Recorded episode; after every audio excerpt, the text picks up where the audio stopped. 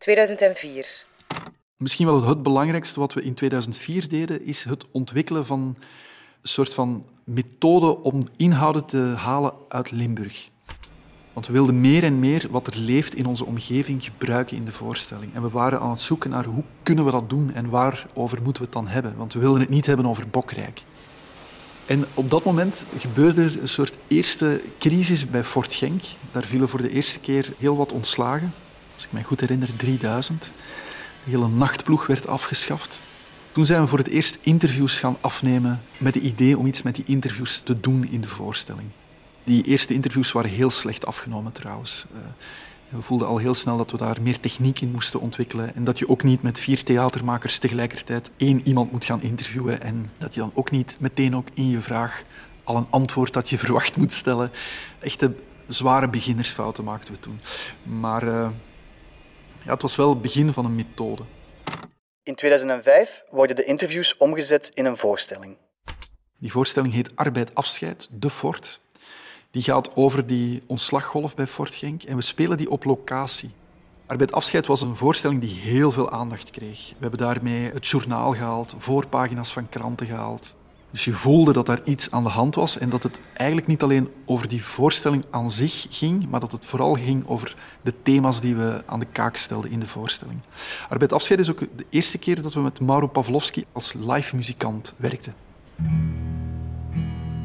Mauro had zelf op Fort Genk gewerkt en wilde heel graag mee in die voorstelling live muziek maken. En hij zat in een fantastisch kostuum, in de smeerput met een dikke trom en zijn gitaar. Fantastisch beeld, met ook een hartverscheurend lied, We gaan naar huis.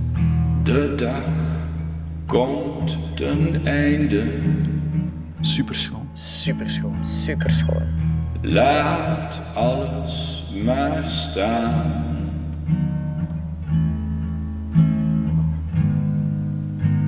Moe zijn de mensen, het werk is gedaan.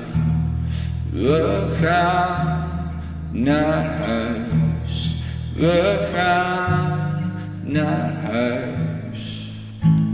Morgen weer een nieuwe start, keer op keer voor wie volhardt. We gaan naar huis.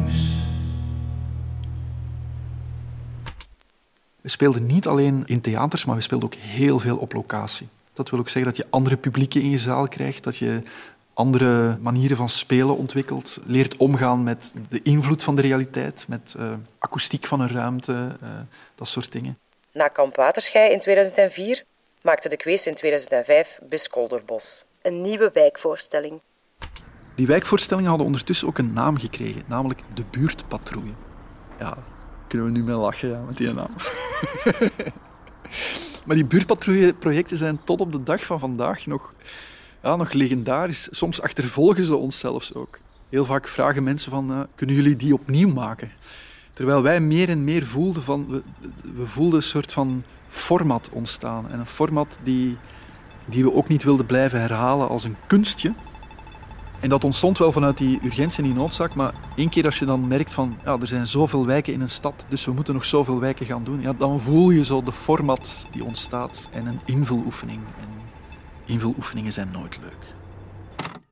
2006. De eerste structurele erkenning als theatergezelschap door de Vlaamse gemeenschap. We hadden aangevraagd voor twee jaar. En achteraf, ik herinner me nog goed, dat was toen Bert was minister van Cultuur en die zei in een van de eerste interviews nadat de subsidies bekendgemaakt worden dat hij het jammer vond dat de Kweeste niet had aangevraagd voor vier jaar. En we hebben gevloekt. we dachten, laat het ons voor twee jaar doen, want wellicht gaat dat voor vier jaar niet lukken en dan krijgen we niks. Ja, dat hadden we beter gedaan. En ik herinner mij ook nog dat die slimmerikken van Braaklandse Building, die hadden dat wel gedaan. dus ja, damn. Ondanks de slechte gok zijn er wel centen. En kan er geïnvesteerd worden in materiaal. Dus we kunnen voor het eerst een lichttafel kopen en een dimmerrek en een zaagmachine en een fotocopieerapparaat en een bestelwagen. Dat zijn dingen die we tot dan toe telkens moesten lenen en huren. En voor het eerst voelden dat dingen beter kunnen en anders georganiseerd kunnen worden. 2007 is ook het jaar van Tijl van Limburg.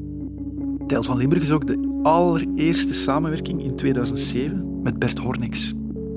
Bert maakt daarvoor de eerste keer live muziek bij de voorstelling. En ja, dat is toch een van de belangrijkste samenwerkingen nog steeds. Bert Hornix.